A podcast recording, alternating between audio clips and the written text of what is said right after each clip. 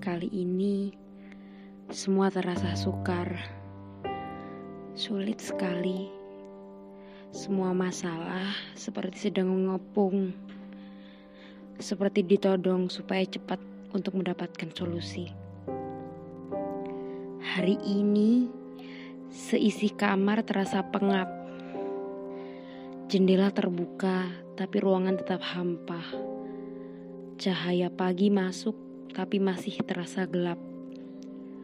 Pemutar musik dengan judul daftar putar lagu-lagu penyemangat, tapi lagi-lagi daftar putar itu hanyalah tinggal nama. Tidak ada semangat, tidak bertenaga sama sekali malahan. Ada tenggat waktu, istilah yang kerap digunakan dengan bahasa Inggris Ya, mereka menggunakan kata deadline. Tenggat waktu mengintimidasi tanpa ampun.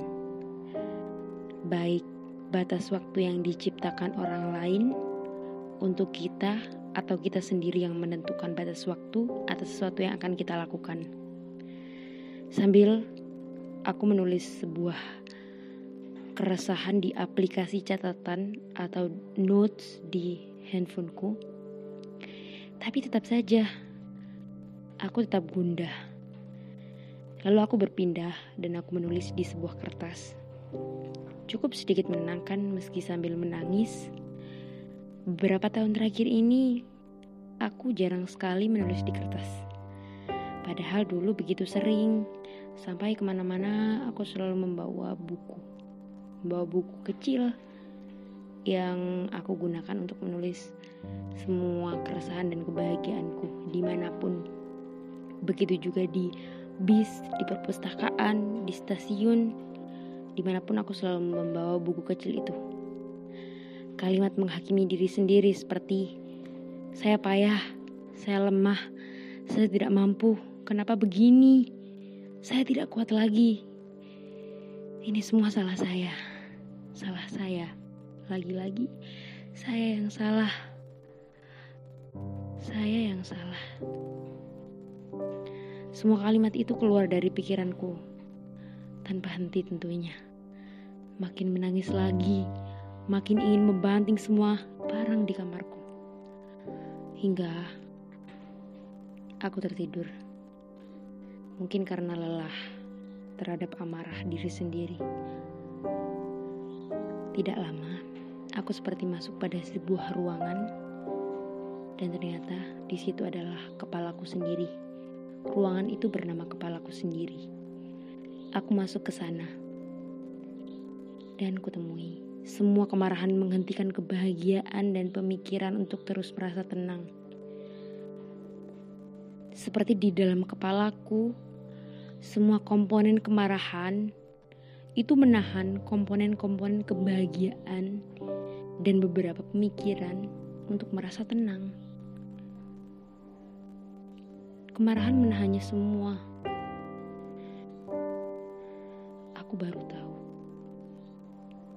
Sampai setelah itu, aku seperti disedot oleh mesin waktu yang ada di kartun-kartun TV itu hingga mataku terbuka lebar dan aku kembali berada di kamarku.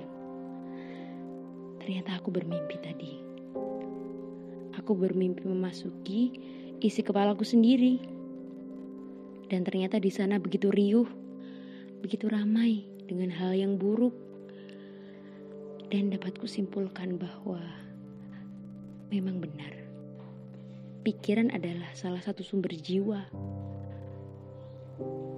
dan akhirnya sumber jiwa itu bisa menghasilkan tingkah laku yang akhirnya kita bisa melakukan sesuatu dan pikiranku yang sedang kacau sama sekali tidak jernih dan sampai membawaku pada penghakiman kepada diri sendiri secara brutal sampai aku lupa untuk mencari celah untuk tenang. Ternyata musuh yang paling bukan orang lain, bukan teman kita, bukan orang tua kita, bukan siapa pun, tapi musuh yang paling tersembunyi, musuh yang paling gelap. Dia ada bersama kita, begitu dekat. Dia bernama isi kepalaku sendiri. Ternyata selama ini musuh yang paling tersembunyi, sekali lagi, musuh yang paling tersembunyi adalah isi kepalaku sendiri.